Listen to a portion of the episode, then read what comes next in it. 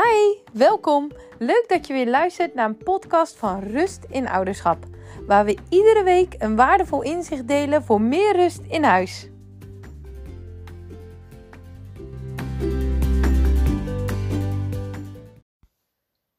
Hoi, welkom weer bij deze nieuwe podcast. Superleuk dat je weer luistert. In deze podcast wil ik graag een waardevol inzicht met je delen, waar denk ik elke ouder zeker één keer per week intrapt. Of misschien zelfs wel elke dag. En hoe vaak komt het bij jouw kinderen voor? De waaroms en de ja-maars. op het moment dat je iets vraagt of iets van ze verwacht, dat je een reactie krijgt met ja maar of maar waarom moet dat? Vaker dan je zou willen waarschijnlijk. Als jij bijvoorbeeld zegt: trek je schoenen aan als je op tijd op school wil zijn. Ja, maar ik wil het spelletje nog even afmaken. Of als je zegt: kom je uit bed? Ja, maar ik heb nog geen zin om op te staan. Of steeds maar die waaroms. Wanneer jij zegt: Kom, maak je klaar, we gaan naar opa en oma. En je krijgt terug: Waarom? Daar zijn we toch gisteren al geweest? Of als jij zegt: Ruim je kamer even op. Waarom? Ik kan toch alles vinden? Of dat heb ik toch gisteren al gedaan?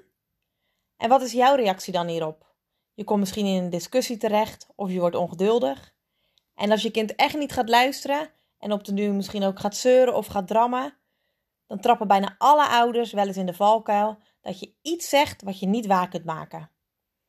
Wanneer jouw kind bijvoorbeeld in de ochtend niet luistert en die schoenen niet gaat aantrekken en nog lekker blijft spelen, en jij zegt dan: Als je nu niet opschiet, dan kom je te laat op school. Terwijl je diep van binnen weet dat je er alles aan zal doen om jouw kind op tijd op school te krijgen. Want zelf wil je ook niet dat hij of zij te laat komt. Dus als je dan ziet dat je nog maar vijf minuten hebt, pak je dan toch maar de auto terwijl je normaal gaat lopen. Of je rijdt of loopt net iets sneller dan normaal op het moment dat je kind dus wel klaar is en die schoenen aangetrokken heeft.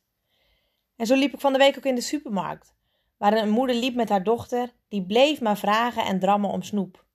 Eerst bleef die moeder heel rustig en die zei dat het niet mocht. En later kwam ik ze weer tegen en het meisje bleef maar zeuren en drammen. En toen hoorde ik die moeder zeggen: Als je nu mee door blijft gaan, dan laat ik je hier achter en ga ik alleen naar huis. Herkenbaar? Een uitspraak die je nooit zou waarmaken. En logisch ook dat je dit soort uitspraken soms doet. dat doen we allemaal. Je weet het soms niet meer, je voelt je machteloos en je wilt gewoon dat je kind naar je luistert. En niet een heel drama maakt. En nou helemaal niet waar iedereen kan meekijken en kan meeluisteren. Of als je een dagje weg bent en je kinderen blijven maar ruzie maken onderling. wie zegt er dan op den duur niet: Als jullie zo doorgaan, dan gaan we naar huis. of als je nu niet normaal doet, dan gaan we naar huis. Als je net binnen bent bij een duurdagje Efteling of dierentuin, dan ga je dat ook niet waarmaken. Je roept het in de hoop dat ze naar je gaan luisteren. En ik herken het zelf ook. Pas geleden nog. Mijn zoon wilde geen kleding passen in de winkel, wat we wel nodig hadden om op vakantie te gaan. Hij ging op de grond liggen, riep dat hij er geen zin in had, een en al drama. Waardoor ik op de duur mijn geduld verloor en zei: Als we geen goede kleding hebben, dan kunnen we ook niet op vakantie. En terwijl ik het zei, dacht ik: Waarom zeg ik dit nu weer? Want natuurlijk gaan we wel op vakantie. En ja, ook al heb je dus nog veel kennis, iedereen overkomt dit soort uitspraken. iedereen vervalt een keer in deze valkuil. En gaat je kind hier beter van luisteren?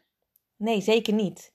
misschien op dat moment wel. Je kind gaat luisteren uit angst voor het gevolg waar je mee dreigt, het naar huis gaan of niet op vakantie gaan.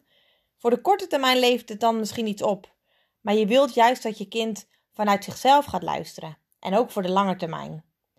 Of het kan dat je kind denkt bij dit soort uitspraken: dit gaat mijn vader of moeder toch niet waarmaken. Dus waarom zal ik luisteren? Hè, vorige keer zei ze het ook, maar toen heeft ze het ook niet gedaan. Daarom wil ik je voor deze week eens uitdagen om aan het einde van de dag eens terug te kijken hoe vaak jij iets hebt gezegd wat je eigenlijk niet waar kunt maken, of wat je niet waar hebt gemaakt. Dat zit vaak al in hele kleine dingen.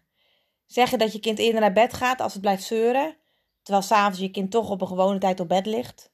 Of zeggen dat je kind heel de dag geen snoepje meer krijgt als het niet goed eet. En een paar uur later krijgt het toch weer een snoepje.